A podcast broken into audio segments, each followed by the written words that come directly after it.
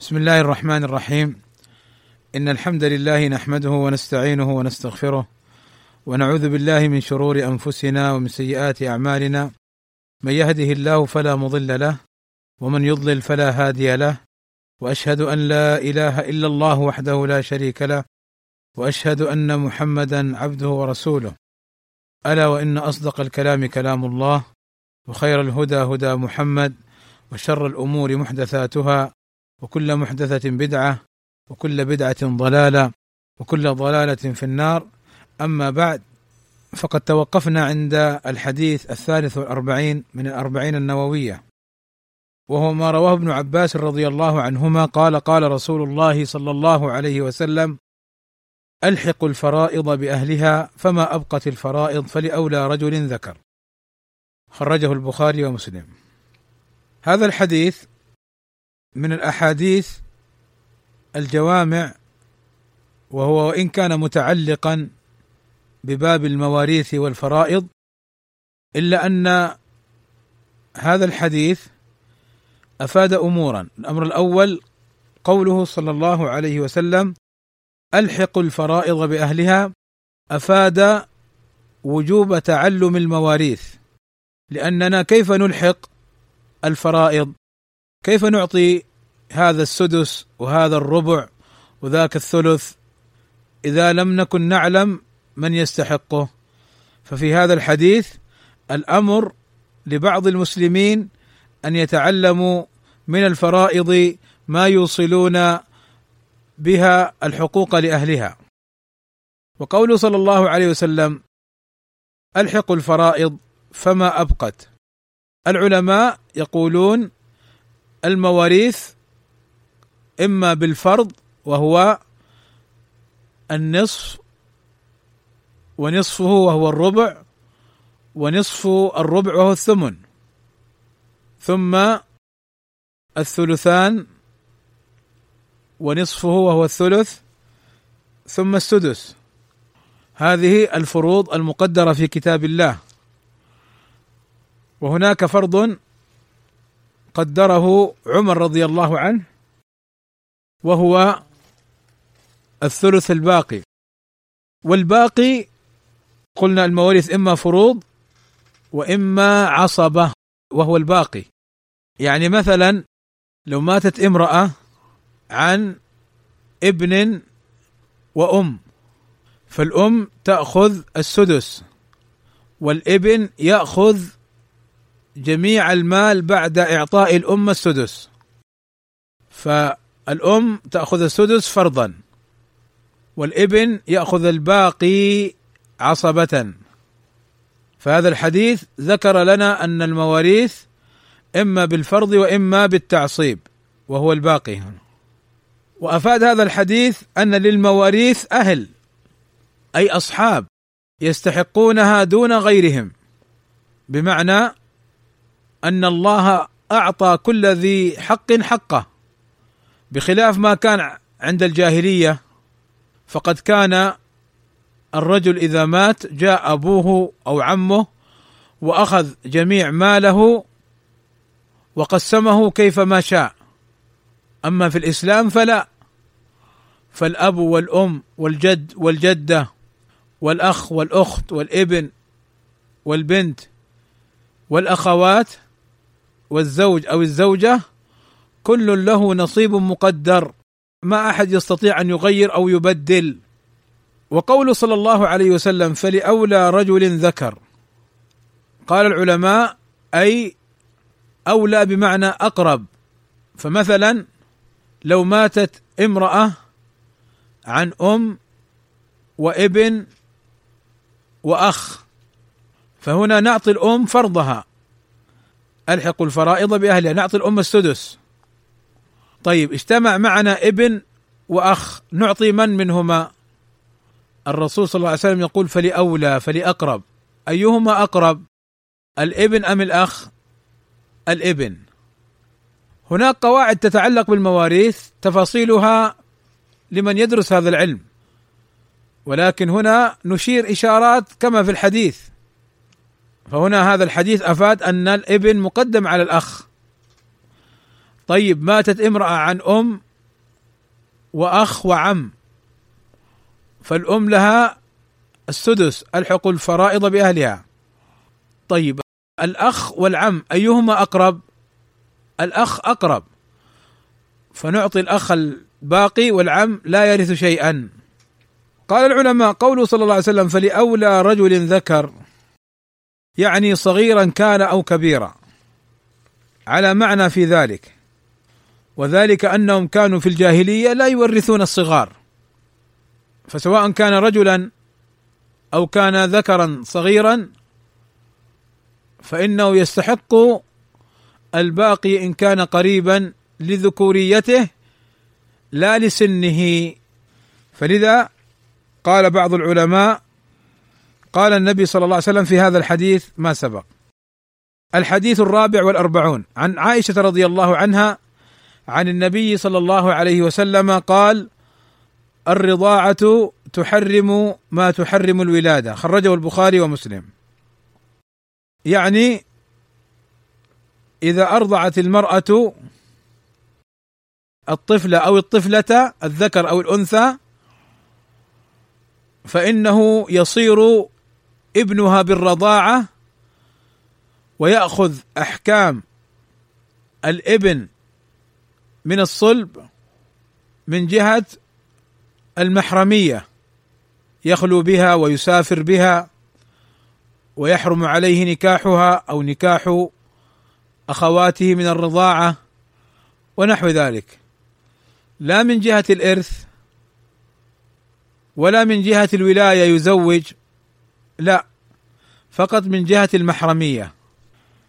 قوله صلى الله عليه وسلم الرضاعة تحرم ما تحرم الولادة. جاء في القرآن قوله تعالى وأمهاتكم اللاتي أرضعنكم وأخواتكم من الرضاعة. فذكر بعضهم. ولكن الحديث أعطى التفاصيل باختصار وهذا من جوامع الكلم. وهنا أنبه على أمور. الأمر الأول أن الرضاعة لها شروط. الشرط الأول أن تكون في الحولين يعني في السنتين الأولى للطفل. الشرط الثاني أن تكون خمس رضعات. الشرط الثاني أن تكون خمس رضعات. الشرط الثالث أن تكون الرضعة مشبعة لأن معنى الرضعة أي طعمته. لا مجرد أن يلتقم الثدي ثم يتركه. فهذه لا تعتبر رضعه إنما أن يأخذ ويلتقم الثدي ويرضع منه إلى أن يشبع فتكون واحدة. سواء تكررت في يوم واحد أو تكررت في خلال السنتين. يعني مثلا مرة أرضعته مرة مرتين وبعد ستة سبعة أشهر أرضعته مرتين وبعد عشرة أشهر أرضعته ثلاث رضعات. يثبت حكم الرضاع. فسواء كان في يوم أو في كان في شهور في السنتين. وأما مسألة رضاع الكبير ففيها خلاف بين العلماء. ففيها خلاف بين العلماء على قولين مشهورين. القول الأول يرى أن أن الحكم هذا خاص بالطفل في السنتين وأن رضاع الكبير لا يثبت به شيء ولا حكم. القول الثاني أن رضاع الكبير يثبت به الحكم بشرط أن يكون في مثل حالة سالم مولى حذيفة فإن سالم كان ربيبا عندهم هم الذين ربوه وهما حذيفة وزوجه كانا كبيرين يحتاجان إليه. فإذا كان في مثل حالة سالم مولى حذيفة على القول الثاني يجوز لا مطلقا كل واحد يرضع من امرأة كبيرة يقول هذه أمي. لا إنما فقط في مثل حال سالم مولى حذيفة.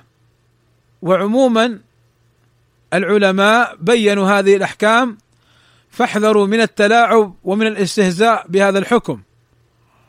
ان بعض الناس كما ذكر عن بعضهم موظفة معه في نفس المكتب فيعني حتى تثبت المحرمية معه إنها أرضعته وتخرج وتدخل معه وأنها أخته بالرضاعة. هذا لعب. هذا لعب بدين الله عز وجل. لا ينبغي التلاعب بهذا. هذا تنبيه. التنبيه الثاني وانتبهوا لهذا الحكم. يحرم من الرضاعة ما يحرم من النسب.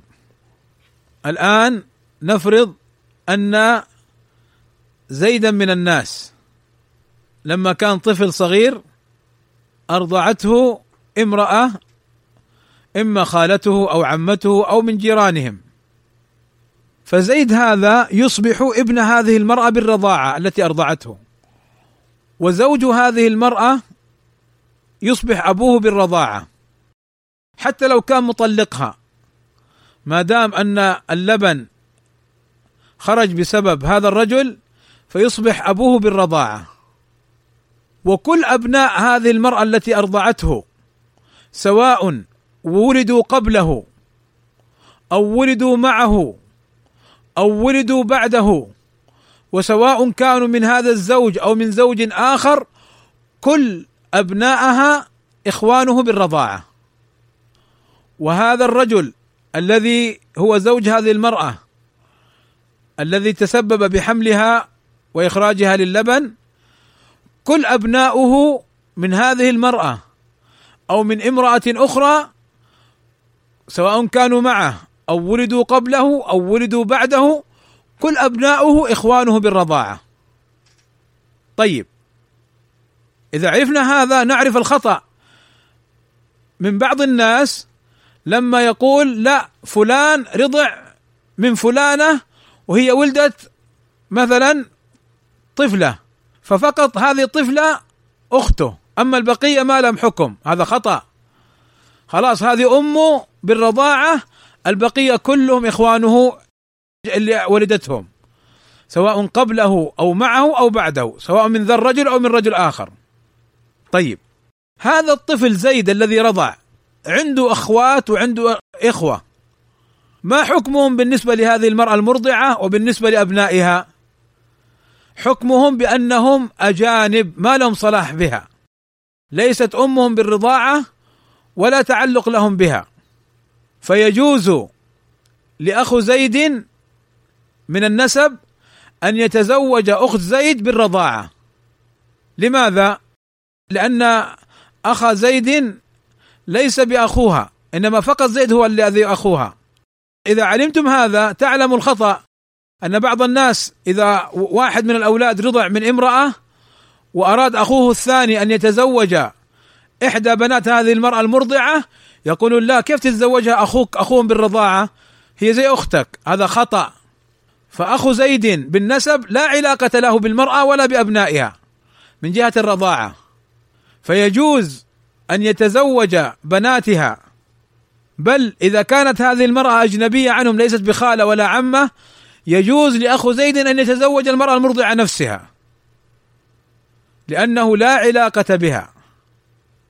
فافهموا هذه الأحكام بارك الله فيكم ولا تلتبس عليكم. وأرجو أن يكون واضحا. أعيد مرة أخرى باختصار. الطفل الذي رضع يصبح ابنا للمرضعة وابنا لزوجها أو طليقها. وكل أبناء المرضعة الذين ولدتهم سواء قبله قبل رضاعته أو معه أو بعده وسواء كان من هذا الزوج أو من زوج غيره كل أبناؤها إخوانه بالرضاعة. وهذا الزوج أو هذا الطليق يصبح أبوه بالرضاعة. وكل أبناؤه وبناته وكذا المرأة بناتها وأبناؤها كلهم يصبحون إخوانه بالرضاعة. سواء كانوا من هذه المرضعة سواء كانوا من هذه المرضعة أو من زوجة أخرى. طبعا حيكون لو هذا الرجل عنده زوجة أخرى عندها أبناء حيكونوا إخوانه من جهة أب. أما أخوانه اللي من المرأة هذه مرضعة ومن نفس الزوج يكونوا إخوان أشقاء بالرضاعة. طيب الحكم الثاني أن هذا الحكم خاص بالطفل الرضيع. أما أخوانه وأخواته ما يأخذون الحكم ابدا. آخر تنبيه نبه عليه في هذا الحديث هو أنه إذا تمت الرضاعة فلتضبط وليشهد وليعلم حتى لا يتزوج الرجل بامرأة ثم يأتي بعد فترة يقال له هذه أختك فينفصل. طبعا كما مر معنا أنه لا إثم عليه لأنه هذا من باب الخطأ. ولكن حتى تجنبا لمثل هذه المشاكل لو كان هناك إشهاد وإعلام وإشهار وكتابة أن فلان أخو فلانة أو أن فلانا ابن فلانة خلاص وابن فلان فيعرفون ويشتهر هذا الأمر فيكون أفضل. الحديث الخامس والأربعون.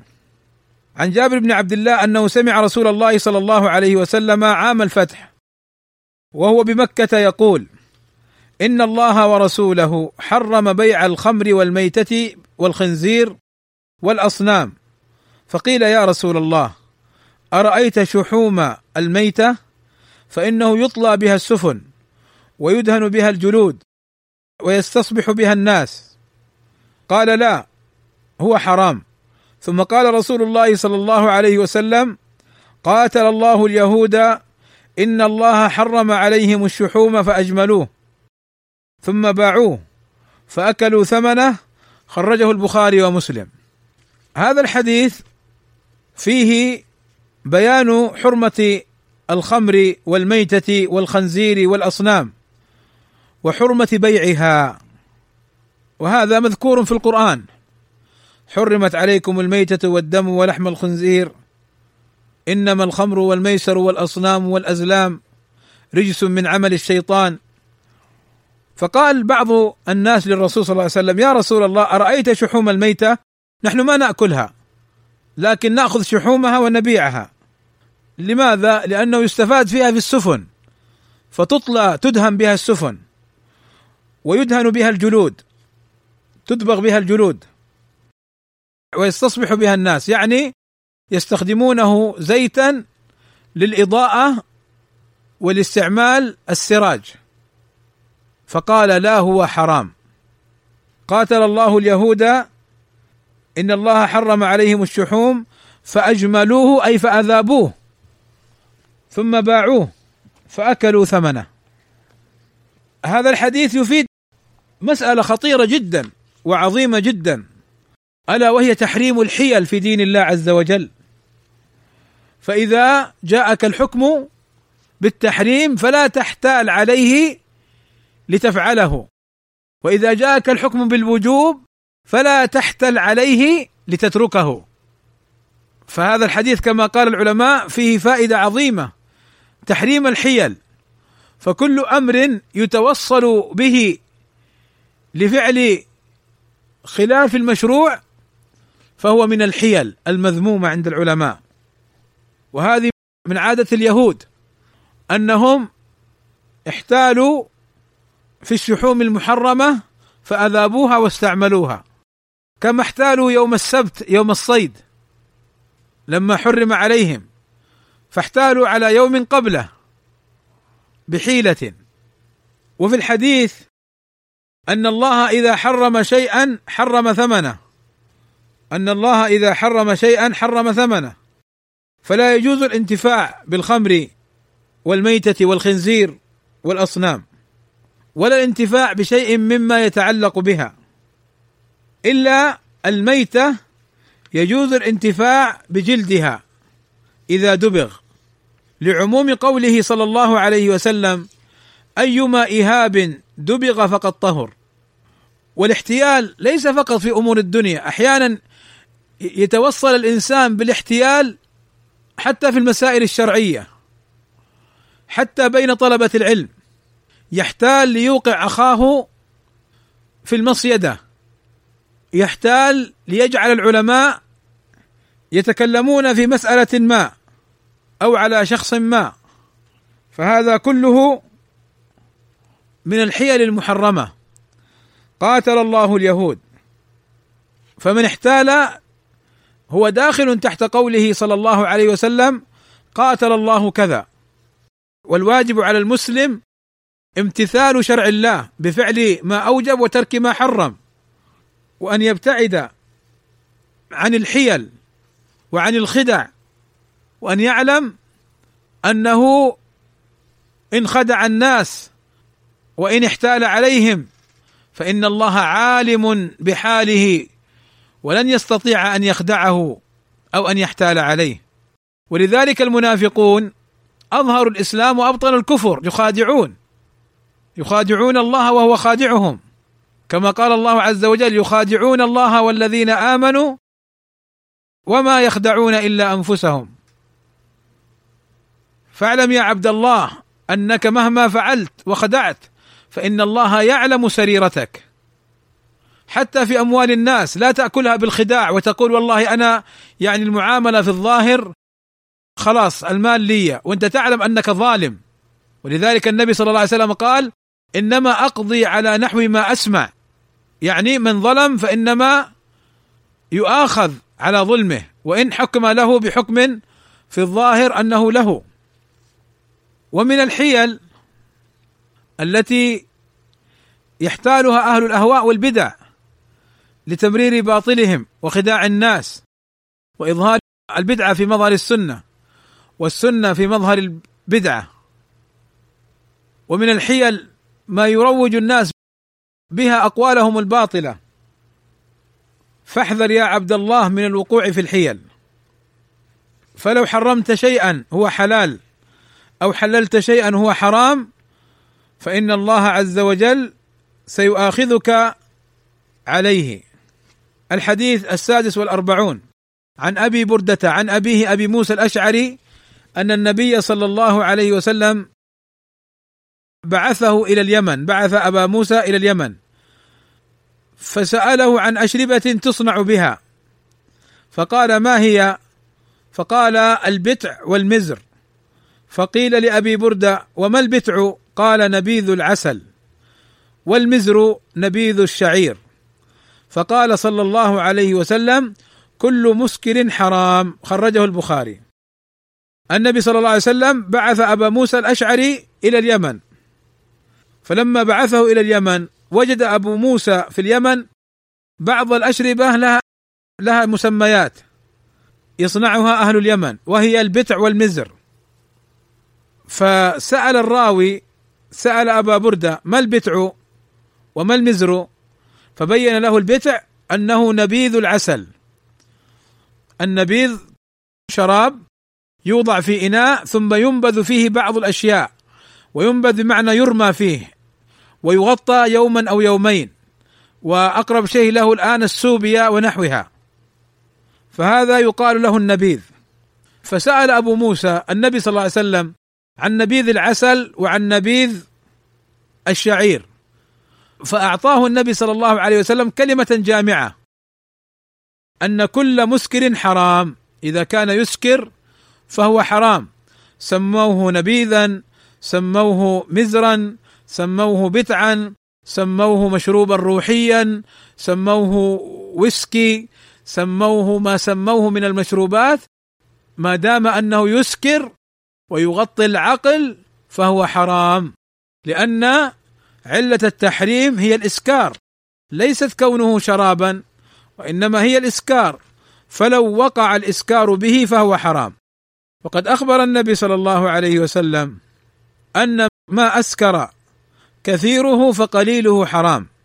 يعني إذا كان شرب الكثير منه يسكر وشرب القليل منه لا يسكر فهو حرام لأنه ذريعة إلى الإسكار فيأخذ حكمه. والخمر كما وصفها النبي صلى الله عليه وسلم بأنها أم الخبائث فإن الرجل إذا سكر قتل وسرق وزنى والرجل إذا سكر فعل كل قبيح بل يسب الله ويسب رسوله ويسب دينه لأنه لا عقل له. نسأل الله السلامة والعافية. والخمر لا فائدة فيها. والخمر لا فائدة فيه. لماذا؟ اولا لأنه كما سبق يغطي العقول. وثانيا لأنه يمرض الأبدان. فإنه يؤدي إلى كثير من الأمراض. ومنها قتل الأعصاب والرعشة ومنها أيضا أنه ضياع للمال ومنها أيضا ما فيه من الإثم والحرج. ولذلك الله عز وجل قال وإثمهما أكبر من نفعهما فالخمر مضاره كثيرة لذا حرم. ويدخل في الخمر كل أنواع المخدرات من حشيش وأفيون وبودرات مسكرة تدخل في الخمر في حكم الخمر. الحديث السابع والأربعون. المقدام ابن معدي كرب رضي الله عنه قال سمعت رسول الله صلى الله عليه وسلم يقول ما ملأ آدمي وعاء شرا من بطن. بحسب ابن آدم أكلات يقمن صلبه فإن كان لا محالة فثلث لطعامه وثلث لشرابه وثلث لنفسه. رواه أحمد والترمذي والنسائي وابن ماجه وقال الترمذي حديث حسن. المقدام ابن معدي كرب رضي الله عنه ينقل هذا الحديث الذي هو فيه حكمة بالغة ودلالة على نبوة النبي صلى الله عليه وسلم وخير للناس في دنياهم بل حتى في دينهم كما سيأتي. فالنبي صلى الله عليه وسلم بين أن البطن وعاء يعني إناء فتدخل فيه الشراب والطعام كالإناء. فبين النبي صلى الله عليه وسلم أن البطن شر وعاء يملأه الإنسان لأنه سيترتب عليه أشياء. فإن الأطباء ذكروا أن الأكل على الأكل يمرض ويهدم البدن ويسبب في الهرم. وأيضا ذكروا أن الأكل الكثير يؤدي إلى الأمراض. لذلك على الإنسان أن لا يأكل كثيرا حتى لا يصيبه المرض. فإن اجتماع الطعام على الطعام وكثرة الطعام يؤدي إلى مفاسد تؤدي إلى مفاسد. منها دنيويا قد يؤدي إلى أمراض مثل الضغط والسكري ومثل أيضا يؤدي إلى ضيق الشرايين ويؤدي إلى الجلطات إلى أمراض يذكرها الأطباء كثيره سببها كثرة الطعام والأخلاط فيه. ولا أظني بحاجة إلى ذكر ذلك مستوعبا. فكم وكم دخل المستشفيات وذهب الناس للأطباء بسبب الطعام. وأما من الناحيه الدينيه فإن كثرة الطعام تؤدي إلى كثرة النوم وإلى الكسل وإلى التباطؤ عن العمل وإلى التأخر. فلا شك أن هذا الحديث فيه فوائد دينية ودنيوية. لذلك أعطى النبي صلى الله عليه وسلم علاج. فقال بحسب ابن آدم أكلات يقمن صلبه يعني لا يأكل كثير. فإن كان لا محالة فثلث لطعامه وثلث لشرابه وثلث لنفسه. يعني الأفضل أن يأكل طعاما قليلا لأن الجسم يحتاج من الطعام شيئا قليلا. لا يحتاج كل ما تأكله على الغداء أو العشاء أو الفطور. والباقي يخرج فضلات. وجزء منه يبقى في الجسم يؤدي إلى الأمراض. إن بقي وترسب في الجسم. وأيضا كثرة الطعام وإدخاله على البطن يؤدي إلى أمراض باجتماعه فيفضل له أن يأكل طعاما يسيرا. فإن أبى فأعطاه الحل يأكل أو يقسم بطنه إلى ثلاثة أقسام فيقسم للطعام ثلث وقسم للشراب ثلث وقسم لنفسه وراحته في التنفس ثلث. ولذلك تجد الذي يأكل كثير يتنفس بصعوبة ويصاب بالتخمة. فلا شك أن هذا هدي نبوي اولا في تقليل الطعام وثانيا في إنقاص الوزن. يعني بعض الناس يصاب بأن وزنه يعني كثير. فالعلاج في مثل هذا الحديث اولا أن تقلل الطعام. تأكل لا تحرم نفسك كل. ولكن كل لقيمات يقمن صلبك. ما استطعت فانظر إلى نفسك وقسم طعامك وشرابك ثلثا ثلثا واجعل الثلث الثالث لنفسك. ومع الحركة فإن الإنسان يقل وزنه وينقص. وهنا أنبه وهنا أنبه على أن ما نراه من بعض الناس من استعمال بعض الحبوب لإنقاص الوزن أو قص المعدة أو ربط المعدة أو عملية البالون ونحو ذلك فإن هذا كلها فيها مضار. نعم الطب تقدم وبعض العمليات نجحت ولكن حقيقة فيها مشقة وفيها آلام شديدة. إلا من باب الضرورة هذه قضية أخرى. إن قال الأطباء لابد أن يجري العملية وإلا فإنه يتعرض لنكسات هذه قضية أخرى. العلاج بسيط وسهل. الطعام الكثير الذي تأكله قلله وأطعم أولادك وأطعم أهلك وأطعم جيرانك وأطعم الفقراء والمساكين. لماذا تأكل أكل بلد؟ كل اكلا قليلا. فإذا تصدقت بالطعام فإنك تؤجر ويصبح جسمك بإذن الله سليما لأنك ما أكلت اكلا كثيرا. وهذا الحديث يدلنا على خطأ ما يفعله بعض الناس من أنه يكره أن يأكل معه أحد. لأنه الأكل لوحده أكل طعاما كثيرا لكن لو شاركه غيره لأكل طعاما يتناسب مع طعامه وشرابه ونفسه أي تنفسه ونفسه أي تنفسه. وأيضا يدل هذا الحديث على أن الإنسان يتحرك حتى يهضم هذا الطعام فبقيامه في الليل حركة وبذهابه للمسجد حركة والمرأة في بيتها تخدم حركة تخدم زوجها وأولادها وأمها ووالديها. هذه حركة. فبعض الناس لا يتحرك ويريد أن ينحف. هذا خطأ. النبي صلى الله عليه وسلم ذكر أن السنة المكي والسنوت السنة والسنوت شفاء من كل داء إلا الموت. إيش السنة؟ السنة أوراق زرع واشهره السنة المكي لأنه في مكة يوجد كثير. السنة المكي نوع من النباتات والأعشاب عشبة. والسنوت قالوا هو الكمون. فإذا وضع الإنسان السنة والسنوت أي الكمون في إناء وغلاه بالماء وشرب منه كأسا فإنه يدخل البطن وينظفها من الأوساخ التي فيها. وهذا دليل على أن النبي صلى الله عليه وسلم يقول ما ملأ ابن آدم وعاء شر من بطن. فهذا يدل على أن البطن فيها فيها شر. وهذا ما يذكره الأطباء من جهة أن البطن فيها فضلات لعشرات السنين. والعجيب سبحان الله أن بعض الأطباء سألته عن هذا الحديث فقلت له هل يمكن إذا أخذت المسهلات التي في الصيدلية تغنيني عن السنة المكي؟ قال لا. قلت له لماذا؟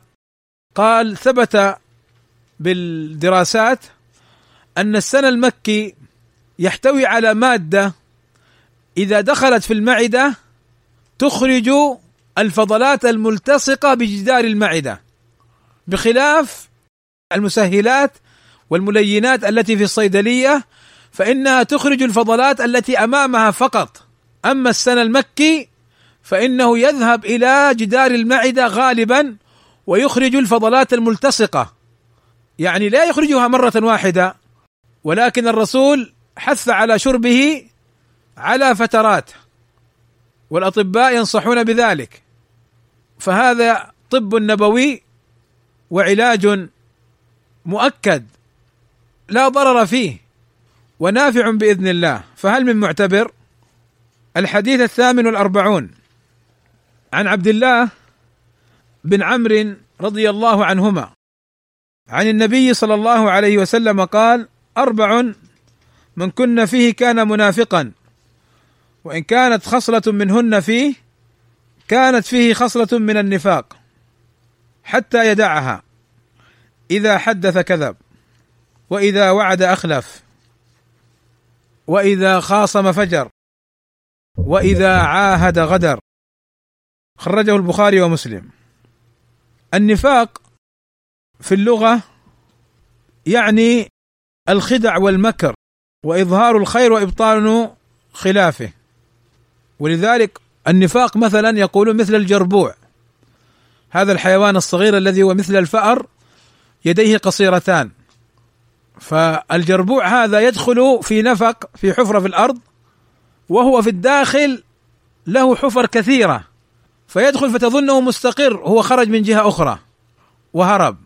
كذا المنافق يدخل في الإسلام في الظاهر ويخرج بكفره. والنفاق في الشرع قسمان نوعان.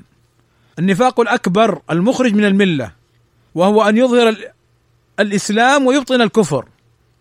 فيظهر الإيمان بالله وملائكته وكتبه ورسله واليوم الآخر ولكن يبطن الكفر والتكذيب لهذه الأمور.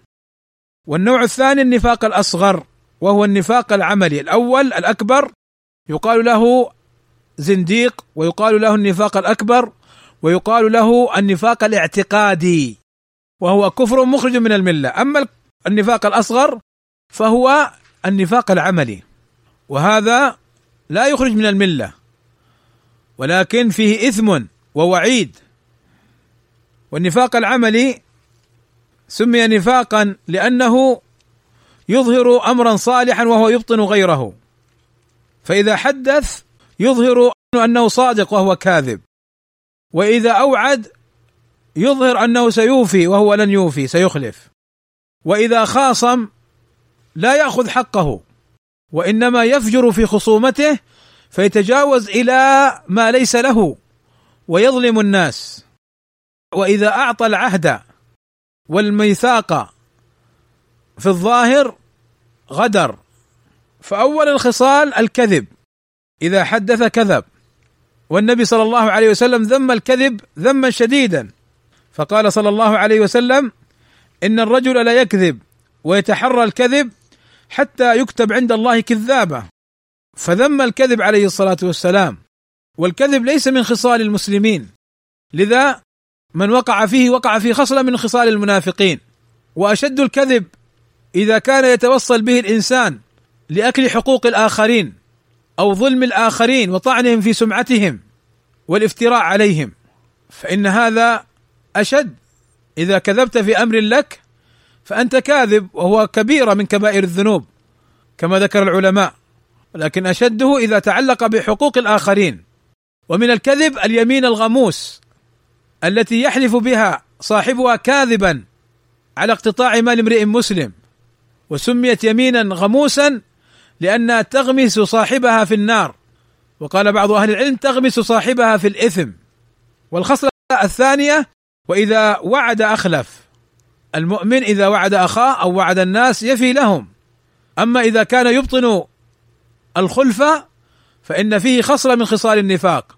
فإن وعد الناس ثم تعذر عليه الوفاء لعذر فهذا لا يدخل في هذا الحديث لأن هناك مانع وعذر منعه ولكن الحديث صورته في من يتعمد ذلك ويتقصد ذلك. وقد مر معنا الخطأ والنسيان فقد تتواعد مع أناس ثم تنسى وإذا وعد أخلف. ولذلك إذا نسي الإنسان أو أخطأ لا ينزل عليه أحد من الناس أنت منافق أو فيك خصلة من النفاق. وعدت فأخلفت. لا أنا نسيت أو أخطأت أو منعني مانع. وإذا خاصم فجر. الخصوم الجدال والمراء. ومعنى فجر بمعنى تجاوز الحد بأن يسبه ويشتمه ويتنقصه ويفتري عليه. وهذا نسأل الله السلامة والعافية في النفس الأمارة في السوء والنفس البغية والنفس المتعالية والنفس الحسودة. فإنه لا يجد عيبا في الصالحين فيفتري عليهم ما يطعن به عليهم ويطعن في صورتهم عند الناس وهو منه براء.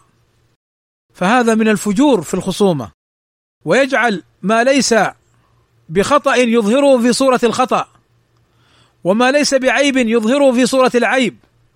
يضحك على عوام الناس وسذاجهم بكلام يظنه السامع أنه فعلا كلام صحيح ولكنه فاجر في كلامه هذا. لم يتق الله عز وجل. فكم ضيع هذا الفجور وهذه الخصومة من أموال الناس ومن حقوقهم؟ وكم طعن في أعراض الناس وفي أخلاقهم؟ وكم آذى به عباد الله عز وجل؟ ولذلك الإنسان عليه أن يتقي الله عز وجل في لسانه.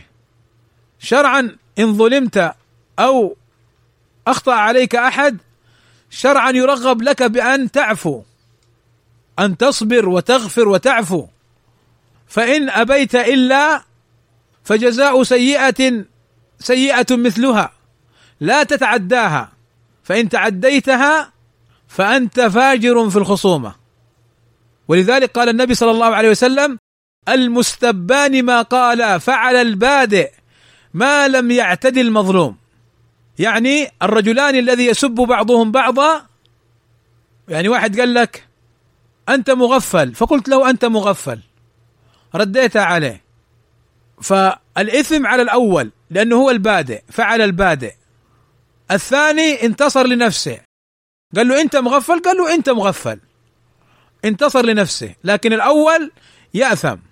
المستبان ما قال فعل البادئ ما لم يعتدي المظلوم. فإذا قال الأول أنت مغفل فقال الثاني وأنت مغفل وأحمق وأبله وفيك ويخطيك. فهنا كلاهما آثم. أما الأول فللبدء في السب وأما الثاني فلتجاوز وتعدي الظلم إلى ظلم آخر. فكلاهما مشترك في الإثم. وهنا قال النبي صلى الله عليه وسلم وإذا خاصم فجر. أقول من الخصومة أيضا في هذا الحديث وتأملوا هذه بارك الله فيكم أن بعض الناس إذا حصل بينه وبين إخوانه بعض المشاكل ذهب وجمع أخطاءه وجمع أمور عليه وأخذ ينشرها في الملأ من باب النصيحة ومن باب الفضيحة كما يقول ابن رجب. طيب أنت تعرف هذه الأخطاء لماذا عشرات السنين ساكت؟ لماذا خرجت لما حصل بينك وبينه هذا العداء؟ فهذا من الفجور في الخصومة. وقد نبه الحافظ بن رجب في الفرق بين النصيحة والتعيير على هذا الأمر. ثم قال وإذا عاهد غدر يعطي العهد والميثاق ثم يغدر لا يفي به. والله عز وجل أمرنا بالوفاء بالعقود. يا أيها الذين آمنوا أوفوا بالعقود وأوفوا بالعهد إن العهد كان مسؤولا.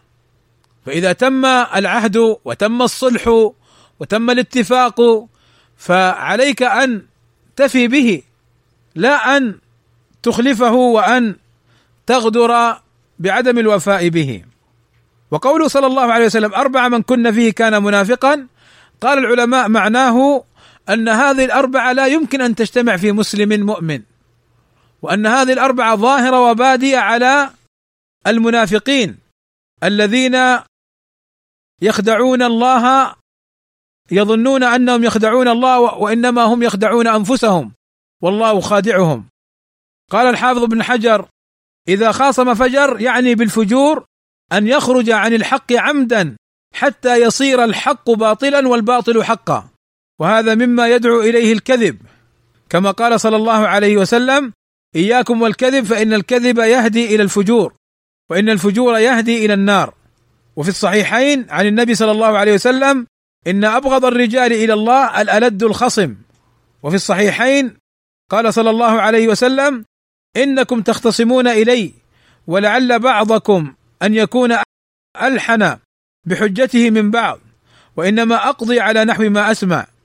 فمن قضيت له بشيء من حق أخيه فلا يأخذه فإنما أقطع له قطعة من النار. وهذا أيضا كما سبق في الحيل أنه لو احتال فإنه يؤاخذ على حيلته. الحديث التاسع والأربعون وهو ما رواه عمر بن الخطاب رضي الله عنه عن النبي صلى الله عليه وسلم أنه قال: لو أنكم توكلون على الله حق توكله لرزقكم كما يرزق الطير تغدو خماصا وتروح بطانا. رواه الإمام أحمد والترمذي والنسائي وابن ماجه وابن حبان في صحيحه والحاكم وقال الترمذي حسن صحيح. قوله صلى الله عليه وسلم تغدو خماسا تغدو خماصا يعني تذهب في أول النهار جائعة بطونها خالية من الطعام. وتروح أي ترجع آخر النهار بطانا أي مبتلئة بالطعام.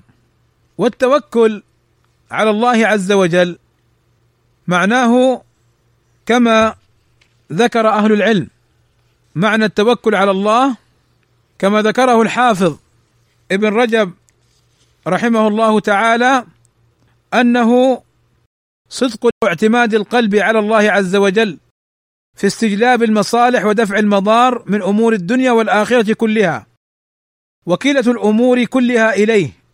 وتحقيق الإيمان بأنه لا يعطي ولا يمنع ولا يضر ولا ينفع سواه أي سوى الله انتهى. اذا حقيقة التوكل أن القلب يعتمد على الله اعتمادا كليا في جلب المنافع وفي دفع المضار. ولو بذل الأسباب لا يعتمد على الأسباب وإنما فقط الأسباب يأخذ بها امتثالا لأمر الشرع. وإنما يعتقد يقينا أن الأمور كلها بيد الله عز وجل. قال النبي صلى الله عليه وسلم لو أنكم توكلون أي تتوكلون على الله حق توكله. لو أنكم توكلون على الله حق توكله لرزقكم إلى آخره، المعنى أن بعض الناس يتوكل على الله حق التوكل، وبعض الناس عنده نقص في التوكل، وبعض الناس ربما يفقد التوكل على الله عز وجل. ولكن من يتوكل على الله حق التوكل فإن الله يرزقه كما قال الله عز وجل: ومن يتوكل على الله فهو حسبه وعلى الله فتوكلوا أي لا تتوكلوا على غيره ولذلك التوكل الاعتماد على الله كلية في كل الأمور نعم تبذل الأسباب ولكن لا يتعلق قلبك بالسبب. يعني بعض الناس يظن أنه إذا بذل السبب خلاص سيتم الأمر. فينظر إلى هذا السبب أنه به سيتم الأمر وهذا خطأ. وإنما الذي يحقق المصلحة ويدفع المضرة هو الله عز وجل. فاجعل قلبك وعلق قلبك بالله عز وجل. لا تعتمد على الأسباب الدنيوية معلقا قلبك عليها. نعم افعلها وابذلها واعلم أنها مجرد سبب وأن الأمة كلها كما ذكر النبي صلى الله عليه وسلم لابن عباس لو اجتمعت الأمة كلها هذه الأسباب الآن على أن ينفعوك بأمر لم يكتبه الله لك لم ينفعوك. ولو اجتمعت الأمة كلها على أن يضروك بشيء لم يكتبه الله عليك لم يقع عليك أو كما قال عليه الصلاة والسلام. ولذلك هنا يقع نقص كبير في التوكل. لما الإنسان يظن أن الشخص الذي مثلا أعطيته الملف أو الذي طلبت منه الطلب أنه هو الذي سيحقق لك آمالك. فلا شك أن هذا خطأ إنما هو سبب وأن الذي يحقق لك آمالك ويدفع عنك ما تخشاه والمضار هو الله عز وجل. ذكر لنا النبي صلى الله عليه وسلم مثالا أن من توكل على الله عز وجل حق التوكل يعني معلق قلبه بالله كاملا. لو ذهب للسوق ولا شيء في يده لخرج من السوق وفي يده المال. يذهب إلى السوق ليعمل ليبحث لكذا. فالله يرزقه ويحقق له المال. فالطير لا حول لها ولا تملك شيئا. تذهب في الصباح تبحث عن طعام ولكن الطير هذا لما ذهب باحثا عن الطعام مستقر في قلبه أن الله رازقه. فما من دابة إلا على الله رزقها ويعلم مستقرها ومستودعها. طيب أيضا فالنبي صلى الله عليه وسلم ذكر هنا الطير مثالا غادر وكره وذهب باحثا عن الطعام معتمدا على الله ورجع وبطنه ليس فيها طعام قليل بطانا طعاما كثيرا. أي رزقه الله عز وجل.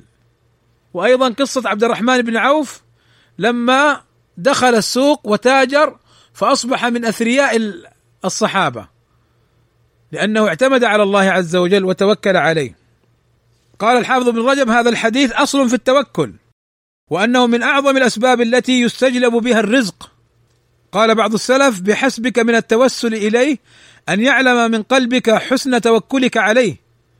فكم من عبد من عبادي قد فوض إليه أمره فكفاه منه ما اهمه ثم قرأ ومن يتق الله يجعل له مخرجا ويرزقه من حيث لا يحتسب. قال سعيد بن جبير التوكل جماع الإيمان. وقال وهب بن منبه الغاية القصوى التوكل.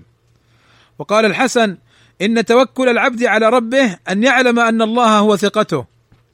ثم قال ابن رجب واعلم أن تحقيق التوكل لا ينافي السعي في الأسباب التي قدر الله سبحانه المقدورات بها وجرت سنته في خلقه بذلك. فإن الله تعالى أمر بتعاطي الأسباب مع أمره بالتوكل فالسعي في الأسباب بالجوارح طاعة له والتوكل بالقلب عليه إيمان به كما قال تعالى يا أيها الذين آمنوا خذوا حذركم. وقال وأعدوا لهم ما استطعتم من قوة ومن رباط الخيل. وقال فإذا قضيت الصلاة فانتشروا في الأرض وابتغوا من فضل الله. الحديث الخمسون وهو ما رواه عبد الله بن بسر رضي الله عنه. قال أتى النبي صلى الله عليه وسلم رجل فقال يا رسول الله إن شرائع الإسلام قد كثرت علينا فباب نتمسك به جامع. قال لا يزال لسانك رطبا من ذكر الله عز وجل. خرجه أحمد بهذا اللفظ وخرجه الترمذي وابن ماجه وابن حبان في صحيحه بمعناه. قال الترمذي حسن غريب. هذا الحديث فيه أن الصحابة رضوان الله عليهم حريصون كل الحرص على تعلم ما ينفعهم. وعلى الرجوع إلى النبي صلى الله عليه وسلم ليتعلموا وأن الواحد لا يعمل بجهل إنما بعلم. مر معنا النبي صلى الله عليه وسلم لما بعث أبا موسى إلى اليمن سأله عن البتع والمزر. ما قال أبو موسى أنا خلاص عالم وشيخ أتكلم في كل شيء؟ لا. رجع إلى النبي صلى الله عليه وسلم ليسأله. وهنا معنا في الأربعين كم مرة مر علينا؟ أن الصحابة يسألون النبي صلى الله عليه وسلم وهم أفضل هذه الأمة بعد نبي الله صلى الله عليه وسلم. فهذا يعلمنا أن الإنسان إذا جهل شيئا يتعلمه ويسأله. أما لو تكلم بلا علم فإنه يقع في الجهل والتخبط في دين الله عز وجل وهو آثم لأن من تكلم في دين الله بغير علم فهو آثم. قال للنبي صلى الله عليه وسلم إن شرائع الإسلام يعني عبادات الإسلام وأعماله كثيرة وأبوابه كثيرة.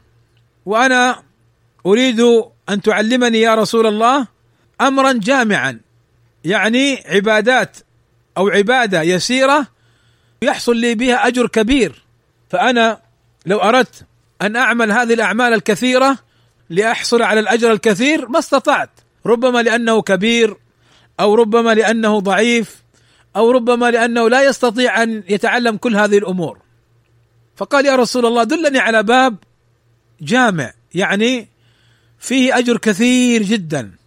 فقال عليه الصلاة والسلام لا يزال لسانك رطبا من ذكر الله عز وجل اوصاه بهذه الوصية الجامعة وهي أن يذكر الله دائما كما ذكر الله عز وجل في آخر سورة آل عمران.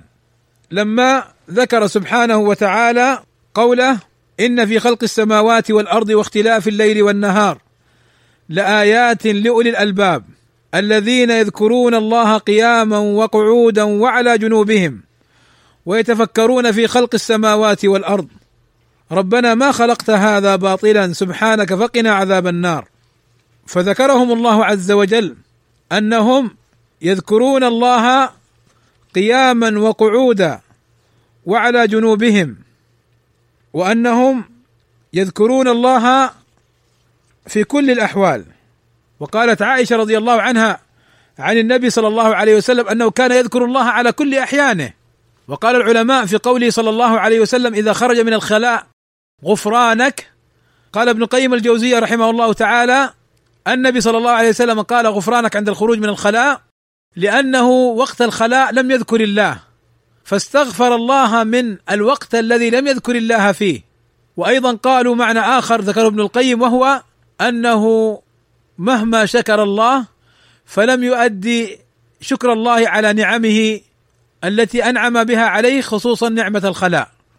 إخراج الفضلات والسموم من الجسم. لا يزال لسانك رطبا من ذكر الله. والله عز وجل يقول الذين آمنوا وتطمئن قلوبهم بذكر الله ألا بذكر الله تطمئن القلوب. فبين سبحانه وتعالى أن بذكر الله تطمئن القلوب. فالذين يبحثون عن الراحة والإطمئنان يقال لهم اذكروا الله عز وجل. والذين يشكون من قسوة القلوب يقال لهم لا يزال لسانك رطبا من ذكر الله. ولاحظوا أن هذا الحديث أفاد أن اللسان الذي لا يذكر الله ويكثر الكلام أنه يكون يابسا ولسانا ثقيلا فذكر الله يرطب اللسان وذكر الله فيه فوائد كثيرة. أذكر بعضها فمن فوائد ذكر الله عز وجل حصول الأجر الكبير. كما قال صلى الله عليه وسلم من قال سبحان الله وبحمده في يوم مئة مرة حطت خطاياه وإن كانت مثل زبد البحر. أيضا ذكر الله عز وجل يحصل به للعبد الحرز والحفظ بدل أن تعلق التميمة أو أن تذهب للسحرة والمشعوذين أو الكهان الذين يدعون كذبا بالأولياء لحفظ ابنك أو ابنتك أو حفظ نفسك لا اشتغل بالأذكار. ففي الأذكار ما هو حفظ لك كقوله عليه الصلاة والسلام من قال بسم الله الذي لا يضر مع اسمه شيء في الأرض ولا في السماء وهو السميع العليم ثلاث مرات لم يضره شيء. وأيضا في الأذكار من الفوائد ما في هذا الحديث أن لسانك يكون رطبا بذكر الله. وأيضا في الأذكار من الفوائد أن اشتغالك بالأذكار منع لك من الكلام الباطل. وأيضا بالأذكار ترقق القلوب وتحصل الخشية وتحصل أيضا التقوى.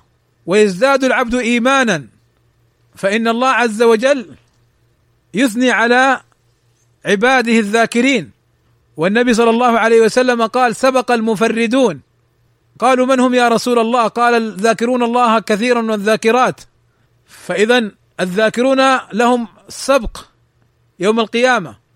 وأيضا من فوائد الأذكار من فوائد الأذكار أنها تحط الخطايا. فإنه من قال لا إله إلا الله وحده لا شريك له له الملك وله الحمد وهو على كل شيء قدير. مئة مرة كتبت له مئة حسنة وحطت عنه مئة خطيئة.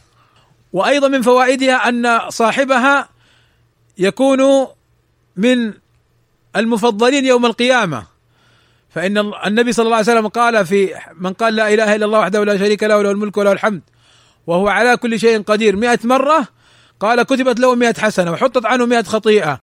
وكانت له حرزه يومه ذلك حتى يمسي. ولم يأتي أحد أفضل مما جاء به إلا رجل قال مثل ما قال أو زاد. هذه بعض فضائل الأذكار.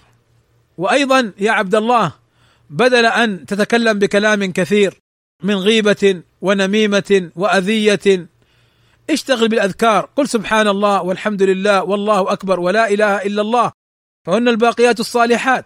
بل الأذكار خير من الدنيا وما فيها كما قال النبي صلى الله عليه وسلم في من قال سبحان الله وبحمده عدد خلقه ورضا نفسه وزينة عرشه ومدد كلماته ثلاثا خير مما طلعت عليه الشمس.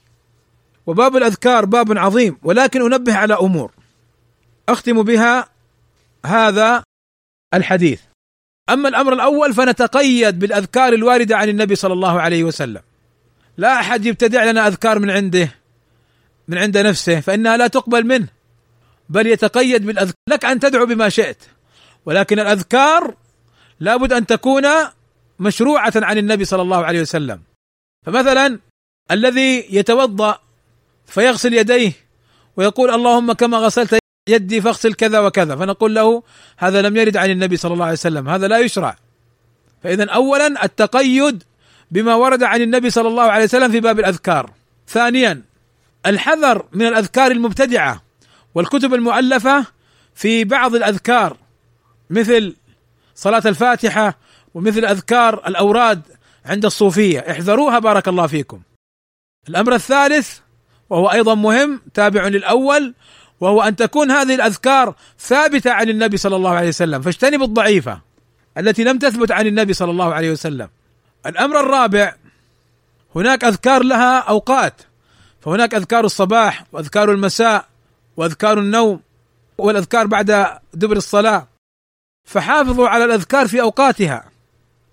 الأمر الخامس الذي أنبه عليه في الأذكار هناك كتب مؤلفة في الأذكار مثل حصن المسلم وأيضا أخونا الدكتور أسامة عطايا العتيبي.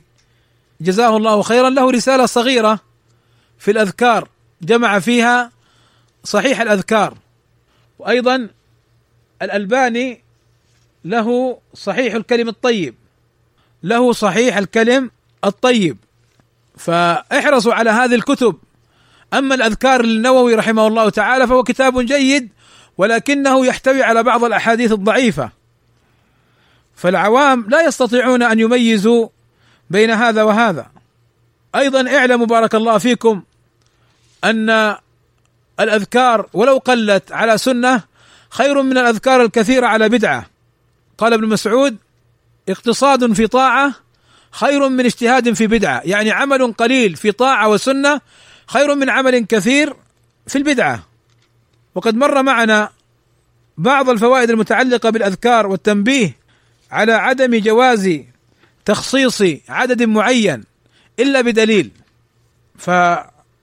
فعلينا أن نلتزم بهذا الأمر وهذا الحديث هو آخر الأحاديث معنا في الأربعين النووية وبفضل الله نكون قد انتهينا من هذا الكتاب أو من هذه الرسالة أسأل الله عز وجل أن ينفعنا بما سمعنا وأن يكون حجة لنا لا حجة علينا. أختم الدرس هذا أيضا بالتنبيه على حديث آخر ضعيف مر معنا لم أنبه عليه وهو حديث أبي ثعلبة الخشني رضي الله عنه إن الله فرض فرائض فلا تضيعوها وحد حدودا فلا تعتدوها. فهذا ضعفه الألباني رحمه الله تعالى. لكن صحت روايات بلفظ آخر مثل ما ورد عن سلمان رضي الله عنه قال سئل رسول الله صلى الله عليه وسلم عن السمن والجبن والفراء فقال الحلال ما أحل الله في كتابه. يعني الفأر الظاهر. تسقط فيه. والحرام ما حرم الله في كتابه وما سكت عنه فهو مما عفى عنه. وأيضا جاء نحوه عن ابن عباس رضي الله عنهما عند أبي داود قال كان أهل الجاهلية يأكلون أشياء ويتركون أشياء تقذرا. فبعث الله نبيه صلى الله عليه وسلم وأنزل كتابه وأحل حلاله وحرم حرامه. فما أحل فهو حلال وما حرم فهو حرام. وما سكت عنه فهو عفو. وتلا قل لا أجد فيما أوحي إلي محرما. وهذا موقوف على ابن عباس رضي الله عنه. فهذا الحديث وذاك الأثر يغنيان عن هذا الحديث الضعيف فأحببت التنبيه عليه. طيب أنبه على أن هناك سيكون توقف للدروس من باب الاستعداد للاختبار. وهذا التوقف سيستمر إلى نهاية عيد الأضحى. يعني اليوم السادس عشر أو اليوم السابع عشر كما سنعلن إن شاء الله.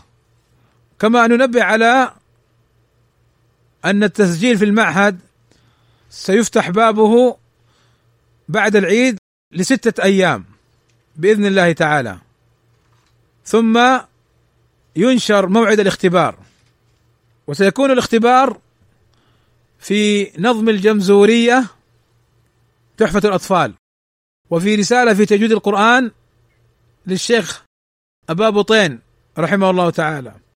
وفي الأربعين النووية وآمل من الطلاب والطالبات الاستمرار في المدارسات والمذاكرات فالتوقف عن الدروس لا يعني التوقف عن المدارسات. كما ستكون إن شاء الله هناك بعض ستكون هناك بعض المحاضرات والكلمات والنصائح يعلن عنها في حينها بإذن الله تعالى.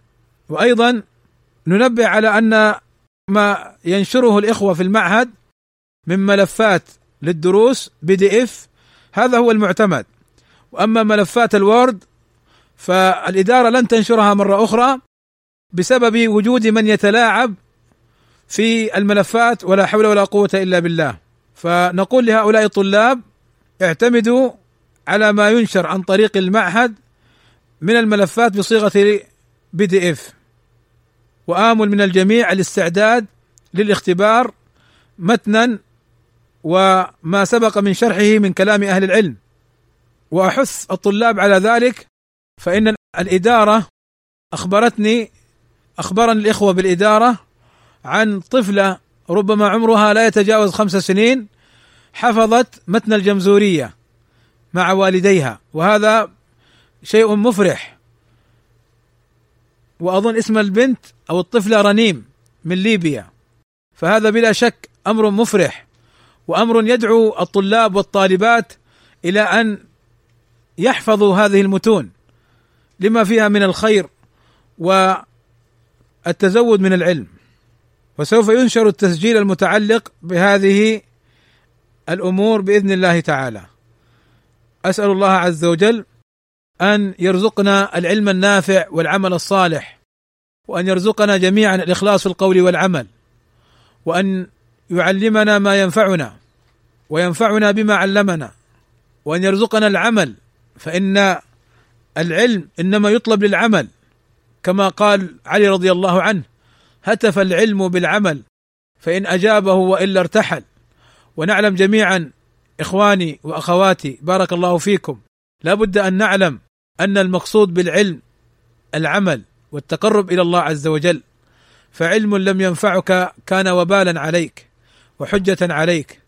أسأل الله عز وجل أن يجعلنا جميعا من أهل الجنة ويرزقنا النظر إليه. وصلى الله وسلم على نبينا محمد وعلى آله وصحبه أجمعين.